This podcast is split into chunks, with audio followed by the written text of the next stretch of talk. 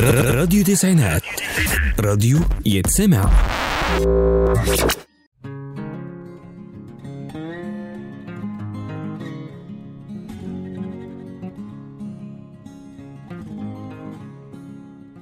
مساء الخير على كل اللي بيسمعنا. معاكم روان صلاح الدين في برنامج 7 minutes on the hour glass على راديو تسعينات FM نقلب ال hour glass ويلا أحكي لكم حكاية جديدة خالص. المرة دي بقى هنرجع لأيام الفراعنة. وحكاية الملك رعمسيس والحرامي الملك رعمسيس كان غني جدا جدا جدا كمان. وكان عنده كميات من الذهب رهيبة وأكيد كان بيخاف عليهم. فقرر إنه يجيب مهندس عشان يعمل له خزنة محدش يقدر يسرق منها أي حاجة. المهندس اللي رمسيس اختاره عمل له الخزنة بباب واحد وتتفتح بمفاتيح الملك بس. لكن المهندس بقى كان لئيم قوي. عمل طوبة في الخزنة تقدر تتشال ويدخل منها شخصين وده ليه؟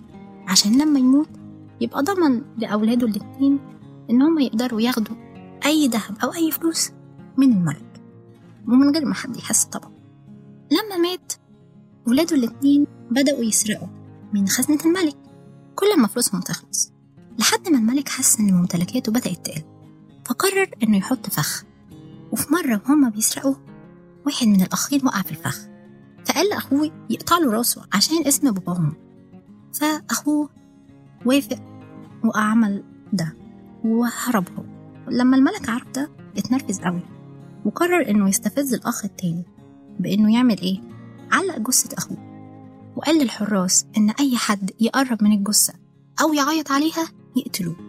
بس الحرامي ده ما كانش غبي عمل حيلة ذكية وقدر إنه يلهي الحراس ويسرق جثة أخوه ويدفنها. الملك ما سكتش قرر برضو إنه يعمل حيلة تانية عشان يقبض عليه. وأمر الحراس ينشروا خبر إن بنت الملك هتكون قاعدة في أوضة وإن أي حد هيدخل ويحكي لها أسوأ سر أو أسوأ فعل عمله في حياته هي هتتجوزه. بس بشرط إن يكون ماسك إيديها طول الوقت. الحرامي بقى كان فاهم كل ده بس قرر برضه إنه يروح. وراح وحكى لها كل حاجة هو عملها بس ما كانش ماسك هو إيديها.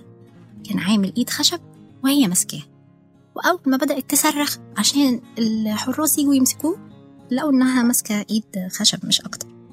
بعد كل ده الملك فعلا أعجب بالحرام وقرر إنه هيجوزه بنته. وخلى يعني نشر الخبر إن اللي عمل كل ده هيجي وفعلا هيجوزه بنته. والحرامي بقى جوز بنت الملك. كانت معاكم روان صلاح الدين في برنامج 7 minutes on the hourglass على راديو تسعينات. اف ام